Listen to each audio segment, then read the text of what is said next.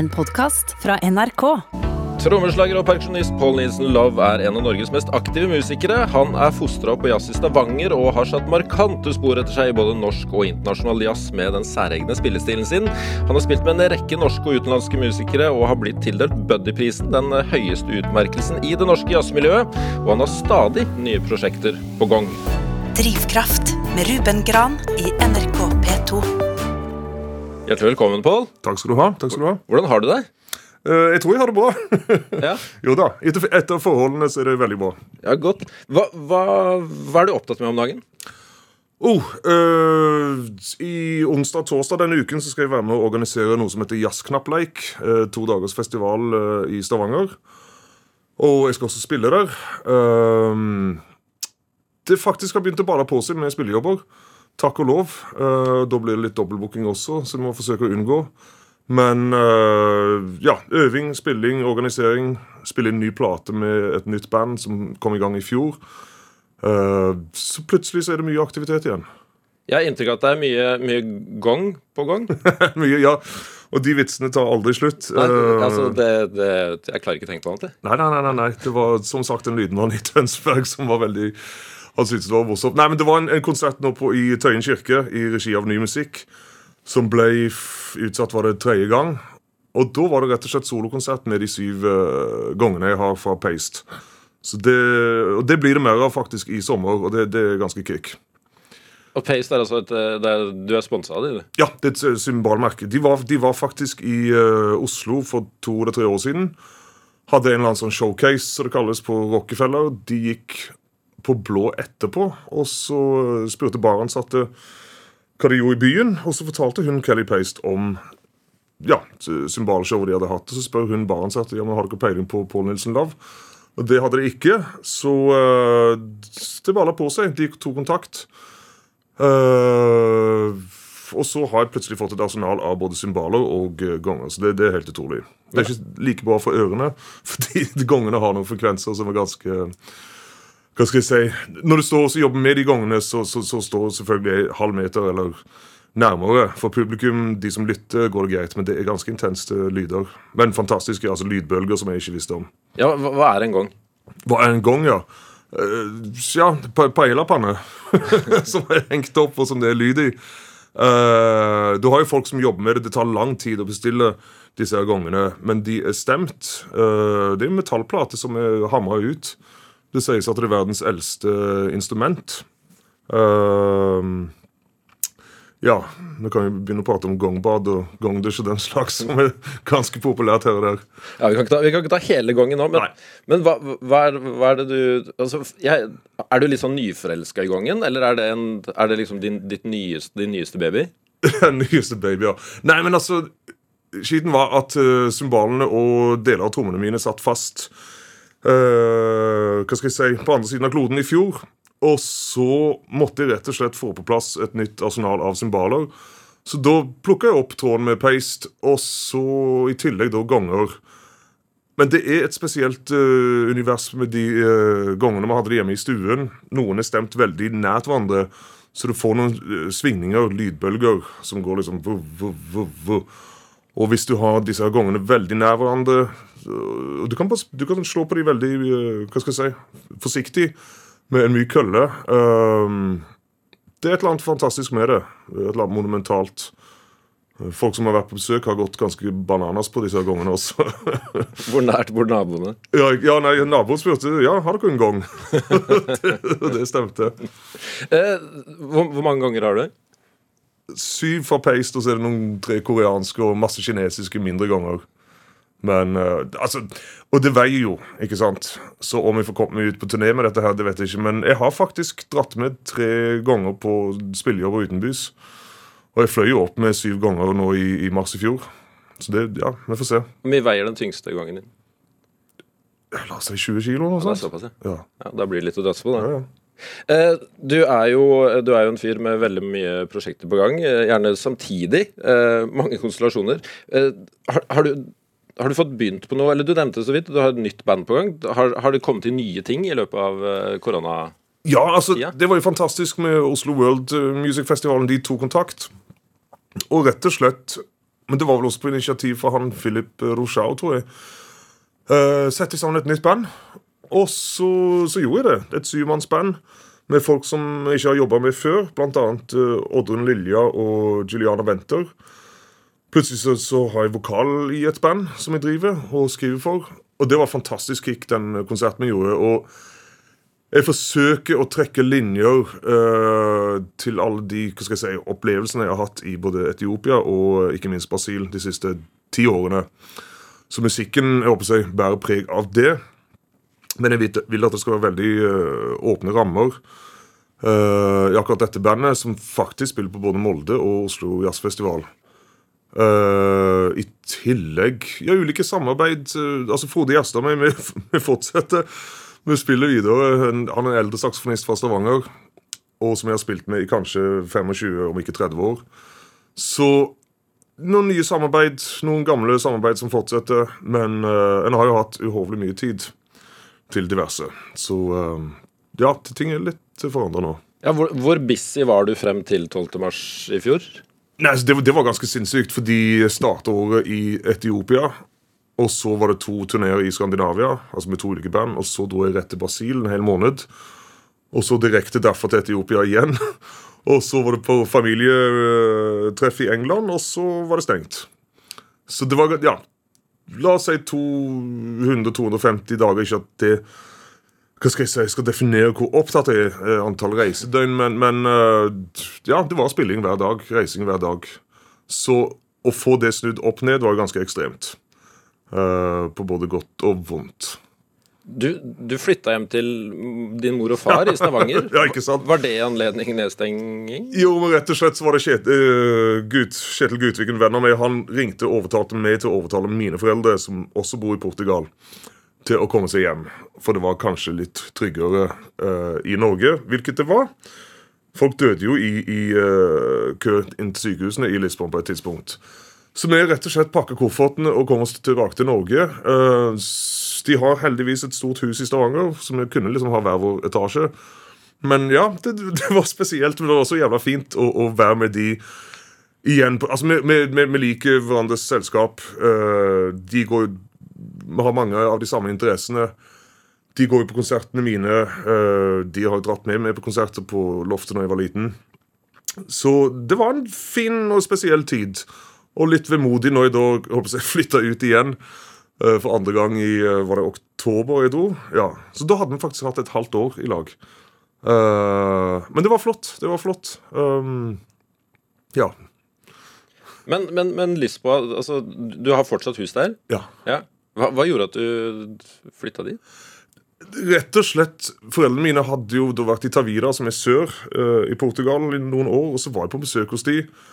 Og det 4. januar så sitter jeg ut forbi uh, i solsteiken og, og, en kaffe og en røyk når jeg røykte. Jeg klarte å slutte å røyke. Hey. og så lurte jeg på uh, Nå skal jeg tilbake til dette her uh, været som fins i Norge? holdt på å si. Og så spalla det på seg, så plutselig så sto jeg der med kåk i, i Lisbon. Så mellom turneene så har det vært fantastisk også å dra dit. Uh, hva som skjer med den kåken nå. Alle platene mine, bøker og klær er der. Men nå har jeg hva skal jeg si, satt anker på Nesodden, så da, på et eller annet tidspunkt så må de platene opp. Ja, fordi visstnok så har du hevda en gang at hjemme er der platene dine er. Ja, ikke sant? Og det er ganske mange platesamlere som, eh, hva skal jeg si, uoffisielt sier. Men nå har jeg da begynt å bygge opp en platesamling her på Nesodden. Ja, så du har begynt å føle deg hjemme på Nesodden? Ja, ikke sant? Jeg spurte om at jeg kunne kjøpe en ny platespiller, og så sa samboeren min nå ja, hvorfor det? Eh, vi har jo platespiller. Jo, men hvis jeg kan føle meg litt mer hjemme, så gjør jeg det. Ok, greit. Og så har det balla på seg med, med et par platehyller. så det... Jeg har også hatt, fått, hatt selvfølgelig mye tid til å sjekke ut musikk. Eh, Oppdaga mye musikk fra Japan som jeg ikke visste om. Altså sigøynermusikk. Uh, blinde uh, De er ikke så flinke på å ta vare på folk som er blinde, f.eks. I, i Japan. Og da um, Du kan alternativt bli massør. Det sies at det beste massøren er blind. Eller du blir musiker, og da er det et fenomen som heter gozé. Og da er det kvinnelige utøvere av, av uh, musikk. De spiller da shamisen, som er trestrengs uh, og vokal. Og de reiste rett og slett rundt.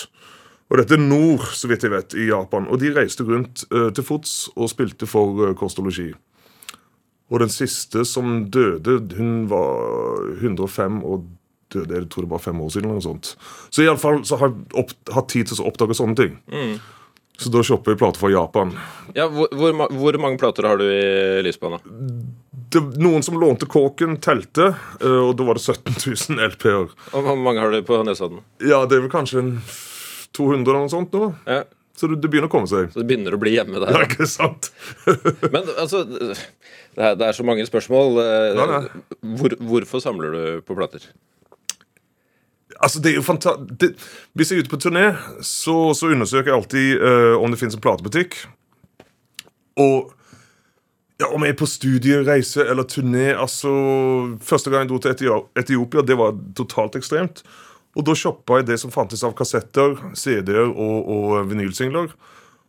Og når jeg satte meg på flyet, så hadde jeg på etiopisk musikk, og jeg fortsatte å lytte på etiopisk musikk i flere måneder etter den eh, første turen.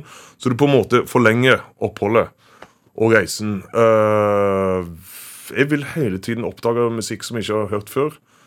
Jeg husker jeg var hjemme hos Raymond Strid, en svensk trommeslager. Og jeg tror han spilte disse platene for ganske mange. Blant annet en japansk uh, frias-trio, uh, Yosuke Yamashita-trio. Totalt ekstremt, aldri hørt det før. Og så spilte han uh, koreansk hoffmusikk. Det hadde jeg aldri hørt før. Totalt ekstremt. Uh, så jeg forsøker å oppsøke platebutikker. Vil høre musikk som jeg ikke har hørt før. Første gang jeg hørte eh, etiopisk musikk, var det samme.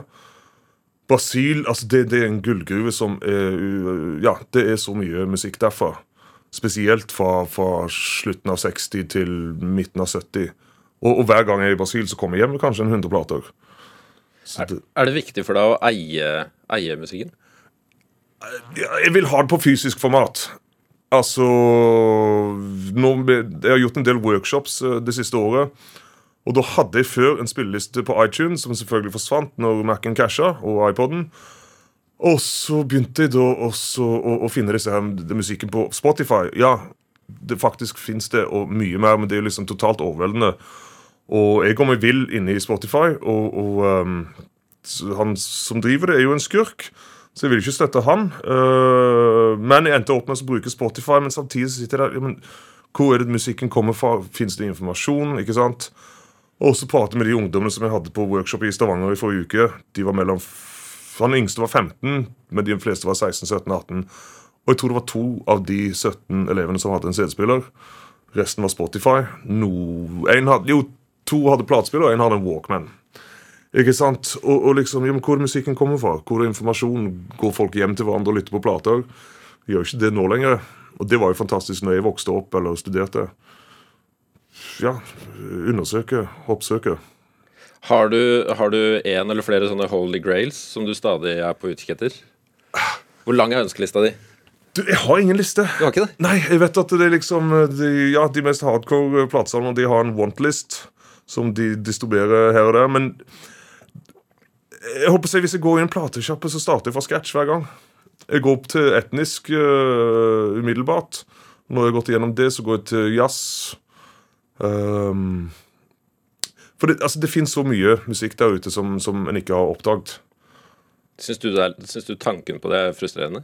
Jeg blir veldig frustrert av det. Nei, nei, nei, nei det, det tvert imot. Jeg syns ja, det er fantastisk. Man, ja, men jeg vil jo ha hørt alt. Jo, jo, men, Men men, det det, men det er jo det som er fantastisk, at, det, at du har ikke hørt alt. Det tar aldri slutt. Og det blir jo liksom øh, Ja, som det som person eller kunstner eller Ja. Det tar, det tar aldri slutt. Du når aldri mål. Ehm, ja, det, det, og jeg overraskes stadig av musikk som jeg setter på hjemme, altså. Det, og det er helt utrolig. Ja. Samler du på noe annet? Cowboystøvler. Ja, gjør du det? jeg, jeg hadde en periode hvor det ble en del cowboystøvler. Det var det. Men uh, Nei, samle og samle. Altså, ja, nå har det blitt gonger og trommer. Jeg har liksom lager over hele kloden med trommesett og plater. øh, men jeg tenker ikke på det at jeg, at jeg samler.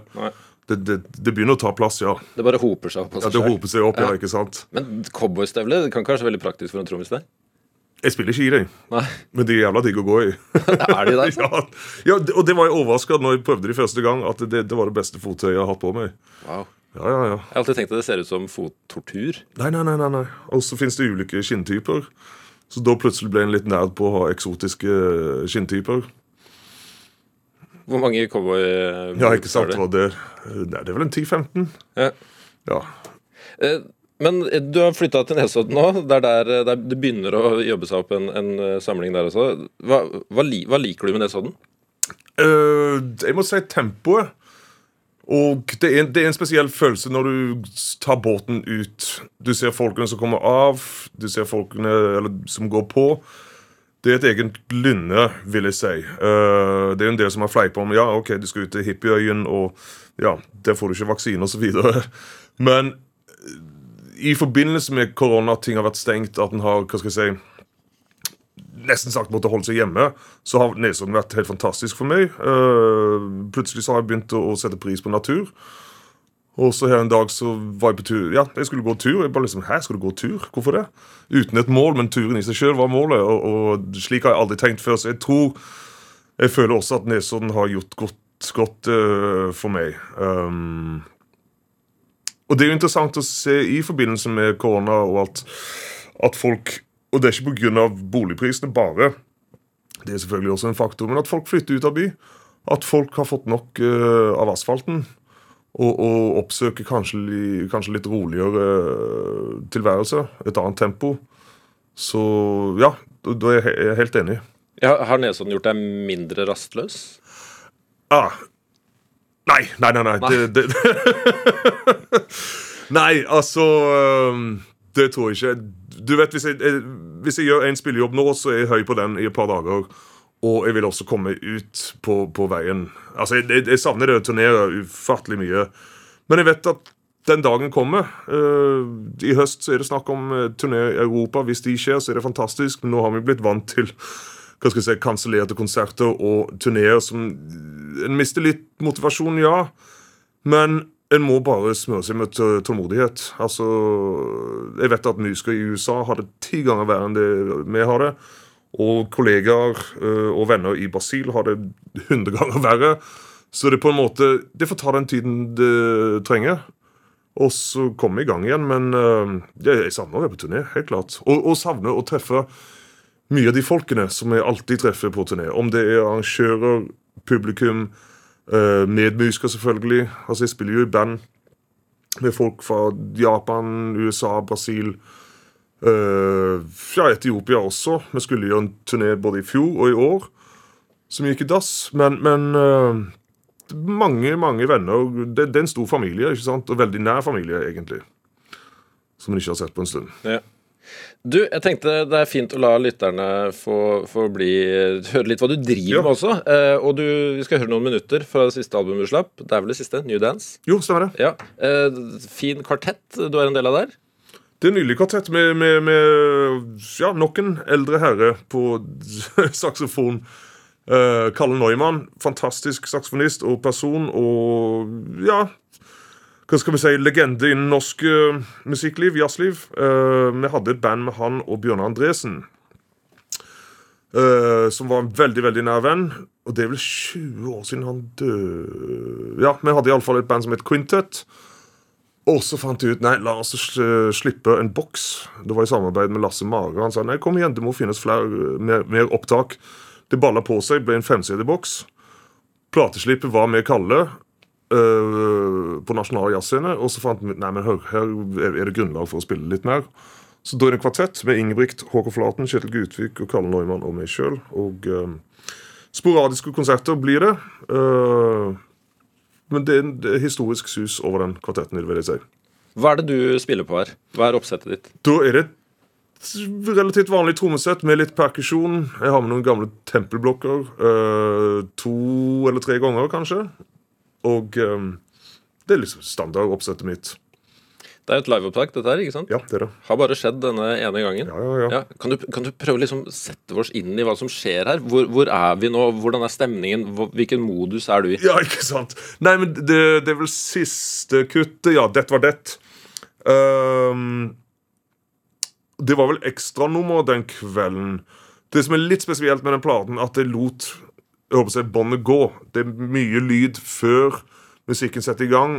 For jeg var hypp på å ha den livestemningen. Før så var jeg veldig uh, hardcore på at uh, uansett om det var live eller studio, så skulle du ikke høre noen ting av publikum eller rommet eller stemningen. Det var kun musikken. Mens nå ville jeg, ja, så tenkte jeg motsatt. Uh, det er vel en faen i oss på slutten der. Uh, vi vil ha opp energien igjen. Og det var spesielt også Kjetil første gang han tar med seg akustisk gitar. Det er jo ikke på dette her sporet, men um, med improvisert musikk så er det som skjer i nuet, så er det et eller annet spesielt som skjer, og du har ikke helt kontroll over det. Det blir som at du fyrer i gang et bål, og så gjelder det å holde det akkurat i live. Ikke sant? Så kan du legge på ulike farger eller uh, ulike temperaturer. Men det med improvisert musikk, når du går på scenen uten å nødvendigvis snakke gjennom det du skal spille. ikke sant? Alle har med sin, sin bagasje og møtes til, til kamp. Så, så skjer, det skjer spesielle ting. Og sånn her kan det låte.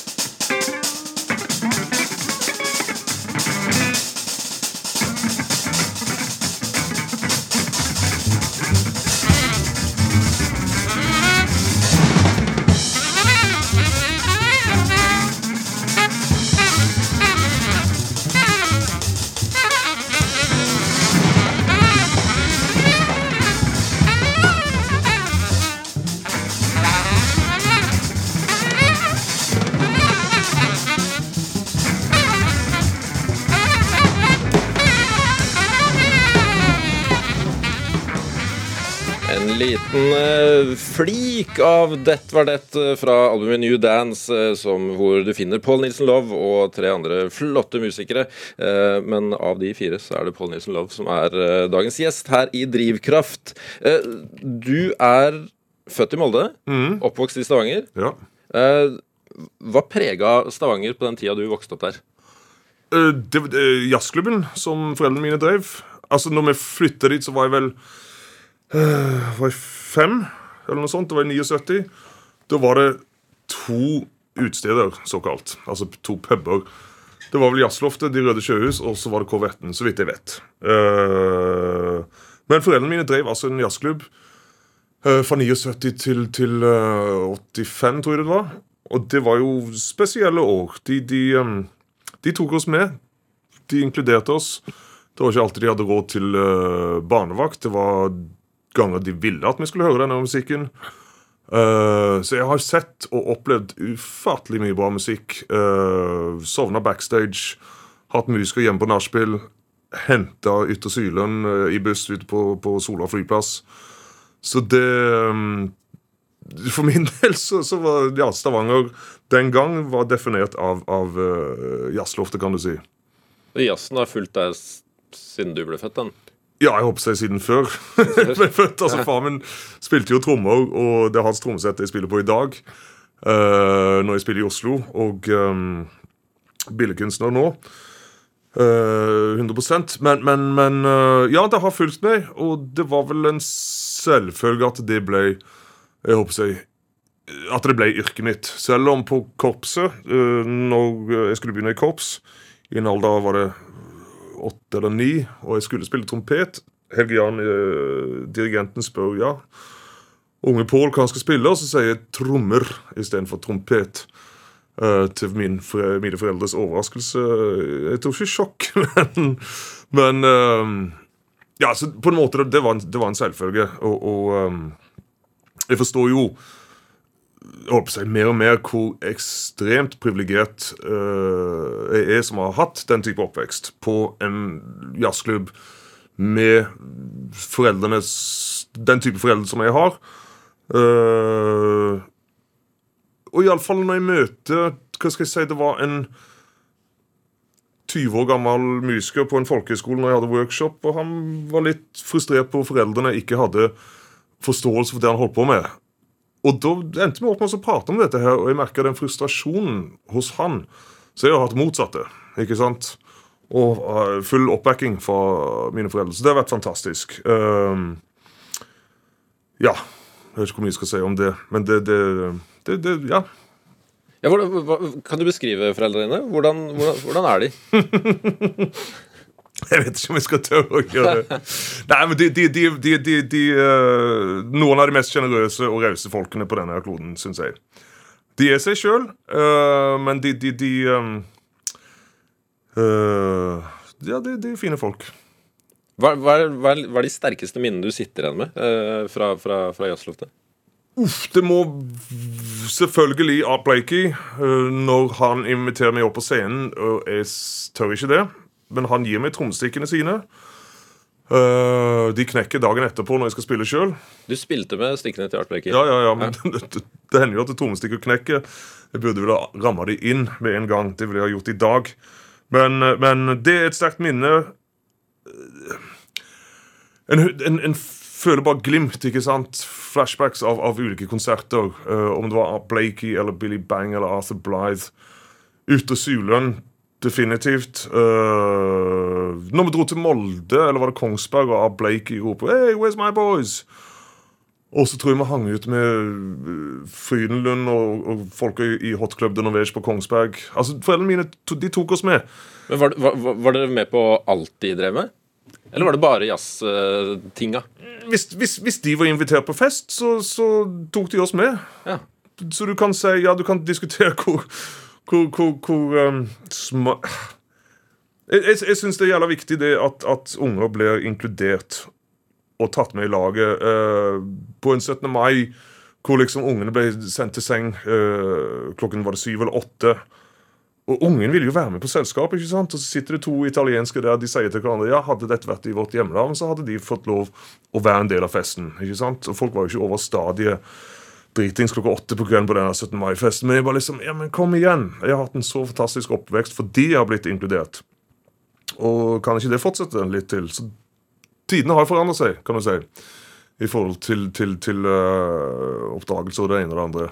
Men hva, slags- hva slags tilbakemeldinger fikk du av vennene dine? Jeg regner ikke med dem hadde helt lik oppvekst. Nei, nei, det var ei jente i klassen hun på barneskolen hun spurte, spurte meg liker du virkelig jazz. Og jeg sa ja. Så jeg skjønte jo på en måte at det var Jeg skal ikke si at den var litt annerledes, men det var jo Jeg har en meldingbok, og der står det at, øh, ja, at jeg har forsovet meg fordi at vi hadde hatt konsert kvelden før. Uh, så du kan, ja, mulig at lærere og, og foreldre på den skolen lurte på hva i alle dager som foregikk i livet vårt, men, men øh, jeg, jeg kan ikke klage. altså.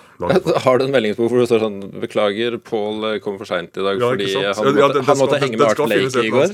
Det skal finnes et eller annet sted. Men eh, hvordan har den oppveksten prega deg som voksen?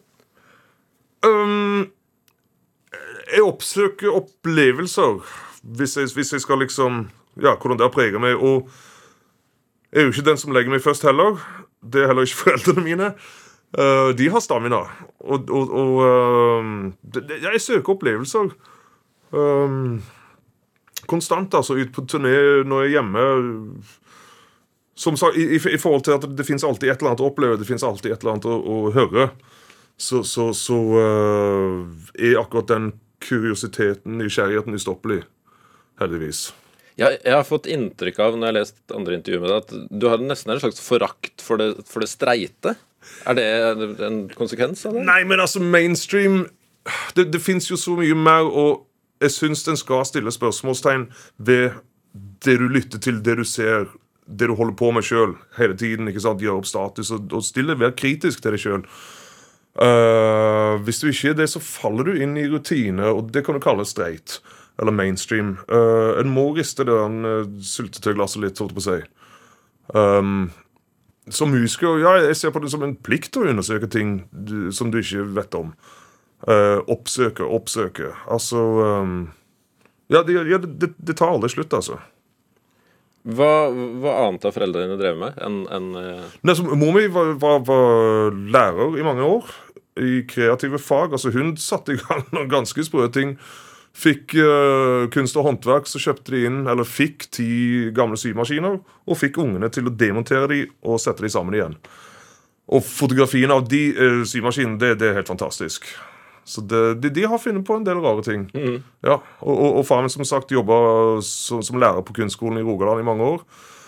Uh, ja, og maler ennå. Uh, det, det, det, er jo en inspirasjon. ja så det er kreative, kreative folk, dine foresatte? Ja, ikke sant. Typisk uh, kreativ familie. Og broren min har jobba med skulptur og scenografi på Dansens Hus. Så det, det, foregår en del, altså. Men Hvilke andre interesser hadde du som barn, uh, i tillegg til musikken? Interesser som alle barn. Sykle, jenter. Um, finne på faenskap. Ja.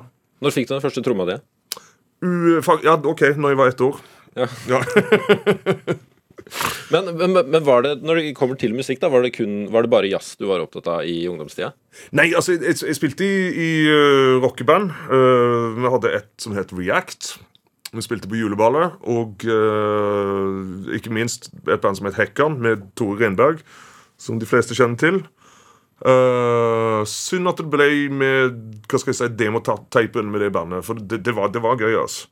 Og så var det en del andre rockeband, alternative rockeband med, med, med, med, folk i Stavanger. Og så baller det på seg med mer og mer jazzmusikk. Ikke minst La oss si at jeg ble tatt under armene av, av uh, trompeter Didrik Ingvaldsen og Frode Gjerstad. Og her forleden så spilte vi faktisk uh, Jeg spilte med de to og en ny uh, ung pianist fra Molde som heter Isak. Så og det er også fantastisk at disse her samarbeidene strekker seg så langt tilbake. Vi har sett hverandre jeg, bli eldre, vokse opp. Uh, ja. Hva, hvordan er forholdet ditt til rocken uh, nå? Nei, altså, jeg digger Jeg digger rockemusikk, ja. men, men, men, det er ikke Hva skal jeg si? Jeg, jeg digger energien som fins i rock, og kanskje en finner spor av det i musikken min. Uh, altså, jeg elsker rockemusikk når det er høyt. Uh, ja. Gi det til meg, altså. Men ville du kjeda deg med å spille rock nå? Å spiller i dag, det vet jeg ikke, men jeg husker på et tidspunkt, og da var jeg sikkert 15-16, jeg ble invitert med i et band. Og da ville de spille GG Cale uh, låten som Nei, Ry uh, Cocaine. Lou Reed? Nei, nei, nei, nei, det var GG Cale eller Ry Jeg husker ikke, okay. men iallfall, det er veldig streit trommekomp. Og jeg merker at nei, dette her Nei, dette er ikke jeg laga for. Så jeg ville ha mer friksjon og et eller annet ja, faenskap, rett og slett. Så jeg merker veldig tidlig at eh, det å spille så streit var ikke attraktivt for meg. Og uh, jeg prøvespilte i et par ulike band, kanskje. Uh, og de syntes vel det var litt for ustreit, det spillet mitt. Og jeg tok med de gamle trommene og en 28 tommer basstromme. Jeg husker ikke hva det var, to stykker fra Haugesund. Uh, men jeg oppdaget tidlig hvilken musikk som, så, som, som jeg følte uh, trigga noe hos meg. Og det gjorde, husker jeg også når jeg var liten, på jazzloftet, hvilken musikk som jeg virkelig digga. Uh, og det var f.eks. hardbop-musikken, uh, altså Blakey. Jeg fant det melodiske jazzen, la oss kalle det. Men altså, det måtte være energi. Det digga jeg mer enn europeisk fri improvisert musikk. Pling-plong-musikk kaller noen det. Som jeg etter en stund fant fascinerende. Hvis, jeg husker far min tok meg med på en konsert i London med John Stevens og Derek Bailey. Men da var jo bare 15-16. Jeg digga jo det. Det, det, det. Ja, jeg var nysgjerrig på ulike sorter musikk den gang som nå. Drivkraft i NRK P2. Og dagens gjest her i Drivkraft, det er uh, trommeslager pluss pluss, tør jeg påstå, Pål Nilsen Love. Eh, Vi snakket så vidt om det, at du har alltid hatt mange prosjekt på gang. Eh, forskjellige konstellasjoner. Eh, er det viktig for deg å ha mye forskjellig eh, parallelt? Ja, altså, jeg mener, de, la oss si de ulike bandene. De, de, de øh, øh, inspirerer hverandre. Altså, La oss si at jeg er med i pluss-minus ti band. Uh, og hvis et band er noe som eksisterer i den forstand at det gjør én eller ti konserter i året, så, så, så um, Ting jeg gjorde i f.eks. The Thing, det kunne jo bli tatt med inn i Atomic når jeg var med i det bandet. Eller Chicago-tentetten med Peder Brøtsmann. Erfaringen min influerte også det som skjedde i The Thing eller andre eh, grupper. Så jeg, jeg, jeg syns, syns det er viktig å spille i ulike band. Eh, det var en som trodde på et tidspunkt at det var pga. pengene. Nei, nei, nei, jeg vil bare oppleve og sjekke ut ulike måter å spille på. Alle bandene har sitt sound, det tror jeg og føler jeg. Men jeg er også veldig bevisst på at de skal ha sitt eget sound. at et eller annet tidspunkt så tror jeg var med i var det fire eller fem trioer med saksofon, bass og trommer. Som er en fin besetning, men da må en være litt bevisst på hva de musikalske uttrykkene går ut på. Sånn at det er faktisk forskjell på de. Men ja, jeg digger å spille mye. Digger å spille med mye ulike musikere. Familien av musikere hva skal jeg si, utvider seg. Vi blir tightere. så det er liksom, Når jeg jobber med musikere fra både Japan, Brasil, Europa, USA osv. Uh, ja, vi inspirerer hverandre, tror jeg. Men også jeg digger å organisere ting. Altså All Ears-festivalen holdt det på med i 15 år, og så har du Blowout-festivalen nå. Plutselig i gang med jazzknappleik i Stavanger, og ikke minst hvis vi klarer å få inn mer støttepenger, så blir det en to dagers uh, festival på Nesodden. Uh, og da er det ikke bare musikk. Teater, dans. Uh, de har et samfunnshus. Jeg, jeg, liker å få i gang ting, og, og jeg vil booke ting som jeg vil at folk skal høre. på en måte. Det er ikke det at jeg har, tenker at nei, jeg skal starte min egen festival sånn at jeg kan spille sjøl. Nei, jeg vil presentere den musikken jeg er interessert i. Uh, ja, I likhet med at jeg inviterer folk hjem til å lytte på plater. OK, sett opp en konsert. Jeg er hypp på å høre det bandet. Da inviterer det bandet opp. Egentlig er det ganske enkelt. Uh, plateselskap. Uh, som tar en del tid. Jeg skulle hatt mer tid til det, det, det, det merker jeg. Men uh, selvfølgelig Ja, du kan si at jeg er en tidsoptimist. Og, og, har fått en del prosjekter, og ting har fått lide under det. Men uh, slik er det. Men Liker du å holde på med sånne administrative ting? Kontorarbeid? eller? Ah. Jeg, jeg, jeg, finner en glede og, og stimuli ut av å få et regnestykke til å gå opp. Altså et regnskap til å gå opp, eller en turné. Altså Booke en turné kan være fantastisk gøy. Uh, jeg skal ikke si at jeg har gjort det for mye, men, men uh, å sette sammen disse turneene med large unit, storband som jeg har med 14 mann, og vi gjorde hva var det, det var 16 konserter på 17 dager i USA, få den på plass, det var fantastisk øh, følelse å få det til. Uh, takk og lov så er det musikere som setter pris på det arbeidet jeg gjør, og de ble med på det. Tjente ikke så mye, men, men ja, vi kom oss ut. ikke sant? Jeg, jeg ser jo en må kunne det administrative for å komme seg ut. Uh, bookingarbeidet. Men du vet Det var en som sa at uh, musikkutdannelsen nå er jo som å gå på BI. Og folk kommer blir klekka ut av de ulike konservatoriene og kan, kan regnskap, kan budsjett, eh, skrive søknader uh, frem og tilbake. Men en skal ikke glemme det å spille. Ikke sant? Ja, Er du redd for det? At det blir for lite fokus på det? Det, det er litt farlig når Fokuset er karriere og hvordan du skal få den i gang. Og hvis du skal få den i gang ved hjelp av det administrative, så, og at du glemmer spillingen og gleden ved å spille og liksom Ja, igjen, det må stille seg spørsmål uh, Hvorfor holder du på med det du holder på med der og da? Og, og um, jeg ser det på de ulike konservatoriene når jeg har gjort disse her seminarene og workshops, at det er en ulik eh, holdning til det å spille og det å administrere. Og jeg husker når jeg var hva var det jeg var? 30, han var 20. Og han spurte meg liksom, ja, hva var mine tanker om karriere når jeg gikk på konservatoriet. Og jeg umiddelbart så sa jeg det ordet skal du ha ut av vok vokabularet ditt. For det er ikke det det dreier seg om. Det, det, dreier seg om å spille så mye som mulig, spille så bra som mulig, skaffe seg erfaring. Eh, karrieren, den Hvis du spiller Hvis du setter et høyt nivå, så skjer det av seg sjøl. Selvfølgelig det hjelper å være en hyggelig person og ydmyk osv., men, men fokus på å, å spille bra, altså. Og jeg ser meg litt lei på folk som administrerer så jævla mye. altså. Men det må til. Eh, ja, Jeg ser på noen av de yngre musikerne jeg spiller med, og de teller kvitteringene dagen etter spillejobben. Ja, selvfølgelig, men vet du hva? Jeg er hypp på å se ut av vinduet. og se landskapet hvis, hvis vi er på et tog, f.eks. Eh, hva, hva, hva, hva er særpreget ditt som musiker? Det må du nesten spørre andre om. hva, opplever du selv? Nei, altså um, Særpreget mitt som musiker um,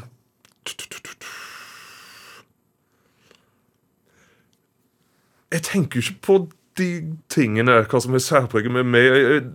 La oss si jeg, jeg, spiller slik jeg spiller, og er den personen jeg er. Um, jeg forsøker å lytte til folk, jeg forsøker å ta til meg erfaring. Jeg forsøker å lære av mine egne feil, kanskje andres feil. Men hvorfor er det feil, ikke sant? Uh, men jeg opps... Ja, vi har jo snakka om det. Jeg oppsøker Jeg oppsøker trøbbel. Men jeg oppsøker ting, ikke sant. Uh, jeg vil, jeg vil ut på, på uh, utfor kanten. Så kanskje det er et særpreg. Jeg vet da faen. Um, tenker, tenker, du på deg sjøl som jazzmusiker, eller noe annet? Eller noe mer? La oss si musiker. Ja. Jeg mener, ja, det er innenfor jazzmusikk. Hvis jazzmusikk er improvisasjon Improvisasjonsmusiker, kan du si. Men du vet jeg digger jo å jobbe med komposisjon. Jeg digger brasiliansk musikk, etiopisk musikk. Jeg er da en verdensmusiker? Jeg, jeg vet ikke. Um, hvilken stil spiller jeg? Nei, ja, det er alle stilene, og da er det en stil. Ikke sant? Um, nei, nei, jeg lar meg influere av all type kunst og musikk, og, og um, jeg er veldig bevisst på å ikke presse ting for mye. Altså, det, det, det skal skje naturlig. Så la seg um, Ken, en saksofonist, Ken Vandermark sa ja, jævla kult når du, du, du spilte de etiopiske rytmene. Og jeg skjønte ikke hva han snakket om, men så tenkte jeg tilbake gjennom det settet vi hadde spilt. Ah, ja, ok, han mente der og da. Men det skjedde jo bare helt tilfeldig. eller Jeg ble trigga til å spille den rytmen, så jeg går ikke på scenen og tenker ja, nå skal jeg spille litt av den. bossen og nå skal vi litt til nordøst i Brasil, og så skal vi til Etiopia. Men det, det, skjer av seg sjøl. Så jeg er vel bevisst på å, å, hva skal jeg si, ikke presse ting for mye, men en, ja, en skal tyne seg sjøl, altså. Ja, hvilke egenskaper er viktig å ha med seg når man skal på scenen og, og improvisere? Altså, en, uh, Det kan jo være en, en, en boksekamp. altså det, det, det, kan være ja, hardt arbeid. Uh, du skal ha med deg ballast, du skal være sterk, du skal være ydmyk, du skal respektere hverandre, hverandres ideer. Men du vet, jeg har på en måte jeg kaller et mantra. Liksom. Når jeg går av scenen, så vil jeg ha opplevd noe nytt for meg sjøl. Og noe nytt fra de har spilt med, og noe nytt imellom oss.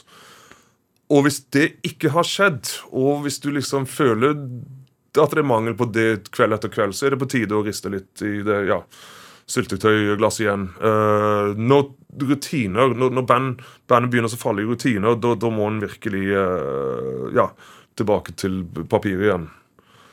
Så, så, så Nei, du, du, skal ha med deg ballast. Altså, det, det, er ikke enkelt. Men du vet, det var en konsert vi gjorde med en trio som gikk med av scenen, og vi visste ikke om det var bra eller ikke. For vi hadde ingenting å relatere til. Hvis Kvaliteten på det du opplever du har, En har en tendens til å relatere til tidlige opplevelser, f.eks. Og vi satt der liksom ja, men eh, Var det bra? Var det, vi, vi, visste ikke hva vi hadde gjort. For vi hadde gjort det var liksom sånn Og det var improvisert, og vi blanda spillemåter, stiler. Uh, det, det, var en spesiell følelse, altså. Men du vil gå av scenen og føle at du har jobba litt. Uh, blitt utfordra, ikke sant. Jeg ser jo for meg Går du hvor, hvor, uh, hvor, bevisst er du mens du spiller? Tenker du over hva du gjør, eller bare hengir du deg, så er Nei, just, du, du, du, må du, jeg, jeg relaterer til du vet, Hvis du står på et stupebrett ikke sant, og skal stupe, du vet ikke hvor kaldt og temperaturen på dette er vannet og så er det et eller annet som trigger kroppen. Og når du er på vei utenomjordisk opplevelse, når du er på vei ut i vannet, så er det for seint. Og slik er det med improvisert musikk også, opplever jeg. Og for eksempel når jeg spilte solo her forleden Ok, jeg hadde en plan om å gå litt relativt hardt ut, men jeg står der og ser på gongene, og så bare plutselig smeller det. Uh, det er veldig spesielt. Det blir som å stupe, altså du, men du aner ikke hva du stuper i. Ikke sant? Så, så, så, så, så det, det Det er ganske ekstremt, altså. Jeg regner med Det krever en intens innlevelse og, og dedikasjon å spille på den måten. Jeg spiller på den måten, men altså dedikasjon, innlevelse det, det, Ja, fokus. Altså hvis du Og det har skjedd med meg også. Du sitter på scenen, og så begynner du å tenke på helt andre ting. Og så begynner du å tenke på det faktum at du tenker. Da er du helt lost. Og det var liksom øh, Ganske tidlig. Jeg sa ja til mange jobber, men jeg dro nytte av det, av erfaringen. Men jeg husker jeg satt på scenen, begynte å tenke på fotball. Jeg er ikke interessert i fotball. Mandagen etterpå så gikk jeg på Akersmik, og takk og lov jeg fikk jobb hos uh, Bodil Niska. Uh, og da kunne jeg si nei til noen jobber. Ikke sant? Og da kunne jeg gjøre min egen musikk. Så, så um, igjen, still spørsmål ved det du uh, holder på med, men, men går du på scenen, så er det ett hund. Det er alvor, men du skal også ha det gøy. Eh, du skal ha det jævlig gøy, og, og det skal skje nye ting, men det, samtidig så er det alvor. Og, og en skal på en måte respektere scenen. Når du går på den scenen, så er det, det, det er noe alvor over det. Uh, ja, du skal ha det gøy, men folk har kanskje betalt for å høre deg. Du kan ikke stå der og tulle, da. Og, og, og liksom uh, Ja, du, du, skal ikke undervurdere publikum, faktisk. Hvordan har du det rett etter at du går av scenen? Du kan, du kan være så høy. Altså, det, det er så mye adrenalin.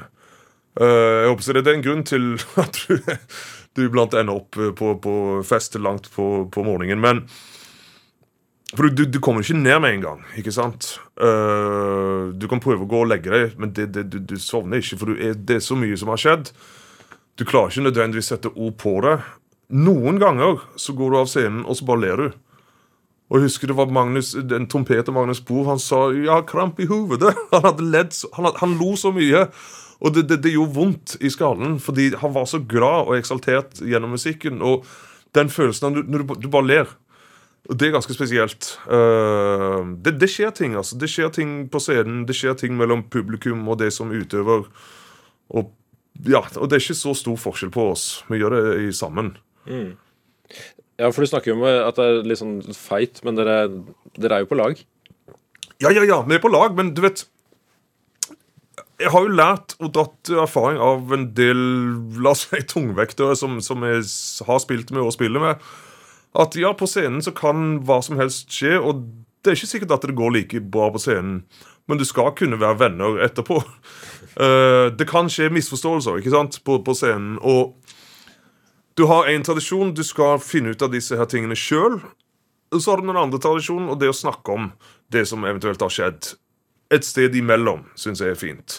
Eh, du, du, du, du skal stille disse spørsmålene sjøl, men det er lov også å få råd fra både yngre og eldre uh, musikere eller ja, som, er, som du spiller med. Altså, jeg, jeg har vært ufattelig privilegert også å få lov å spille med ja, folk som Frode Gjerstad, Peder Brødsmann, Akira Sakata, Joe McPhee, Uh, David Murray også, men det er liksom saksofonister som nå begynner å nærme seg, eller er 80 år gamle. Og det ironiske er at jeg må spille med de for å få ræva mi sparka. Så det er liksom, når de får maskineriet i gang, så, så, så Ja, du, du du skal være i form, altså. Ja. Trener du mye? Sånn Nei, ingenting. for å ha kondisen og musklene på plass? Nei, ingenting. Eh, jeg skulle ønske at jeg hadde litt bedre disiplin der og både svømte og jogga. Men eh, jeg øver når jeg har, tid og sjanse og lyst, holdt på å si. Eh, det skal være litt lyst, lystbetont, akkurat det med øving. Nei, det, det er ikke noe trening. Men jeg tror det å være på turné, bagasjen, det er også trening, på sett og vis. Men ja. Men hvor mye fokus legger du på å liksom finne nye lyder? Nye ting å slå på? Nye måter å slå på? Ja, du kan si de første årene så tok jeg med hele trommesettet. Fordi jeg måtte ha den lyden av min basstromme med det cymbalet. Og Ingebrigt kommenterte liksom Ja, du sleit litt i kveld. Ja, fordi jeg, Og han skjønte jo det. Han hørte liksom en basstromme som sa blakk med cymbalet mitt. Eh, og da var det feil. Og jeg endte opp med å reise med liksom 80 kilo trommer. Uh, til USA så kan du ikke det. Og på noen av disse turneene i USA så spiller du på alt mulig. Altså Det var et trommesett som var Jeg tror det var lodde, ting var lodda fast Det gikk ikke an å gjøre noen ting med det. Det var liksom stemt slik, ja. Og det var til en åtte år gammel datter soms uh, far drev denne rockeklubben hvor vi skulle spille uh, med Fodi Gjerstad-trio, faktisk. Det er 20 år siden. Men iallfall, du spiller på alt mulig trommer i alt mulig rom, så du, du, du, det blir en del av improviseringen. Så om jeg ikke søker nye lyder, så kommer de til Så fins de, ikke sant, iboende. Uh, men selvfølgelig, med gongene Jeg har jobba mye på øvingsrommet og hjemme med å liksom finne hva som fins av lyder i de, og det tar jo ikke slutt, det heller. Så møter jeg Kenneth Carlsen, og han sender meg video, eller et, um, en filmsnutt av uh, Stockhausen, som har et stykke som heter Mikrofoni. Hvor de bruker kontaktmikker, og da er det fire stykker som jobber på en, tam-tam, altså en gong, som ikke er stemt. Uh, så det er hele tiden ting å oppdage. Uh, Trommeslager er ja, også privilegert. De kan ta med seg hva som helst på scenen, men de er også uh, unnskyld ordet, fucked, fordi du kan nettopp det. Og det dette her med å liksom bygge opp et arsenal av lyder, for så å strippe det ned. Du må huske å strippe det ned igjen ikke sant? og finne ut hva er det som er din lyd oppi det hele. Men samtidig, eksperimenteringen kan aldri ta slutt. Og det er litt frustrerende hvis du ser en litt yngre musiker, og så får du følelsen av at nei, hen, hen, la oss bruke ordet hen, har øh, kommet til å spille, ja, spille slik nå som hen kommer til å spille resten av livet. Da Jon, ja, Jon Rune sa bra ja, ehm, De har stoppa før de har begynt. Ikke sant? Så det, Eksperimentering kan ikke ta slutt. altså. Eh, er det noe fellestrekk i, i, den filosofien der, som musiker i livet ditt ellers? Altså, lever, er det sånn du lever også? Uh, I, i nuet? Um, og det nye?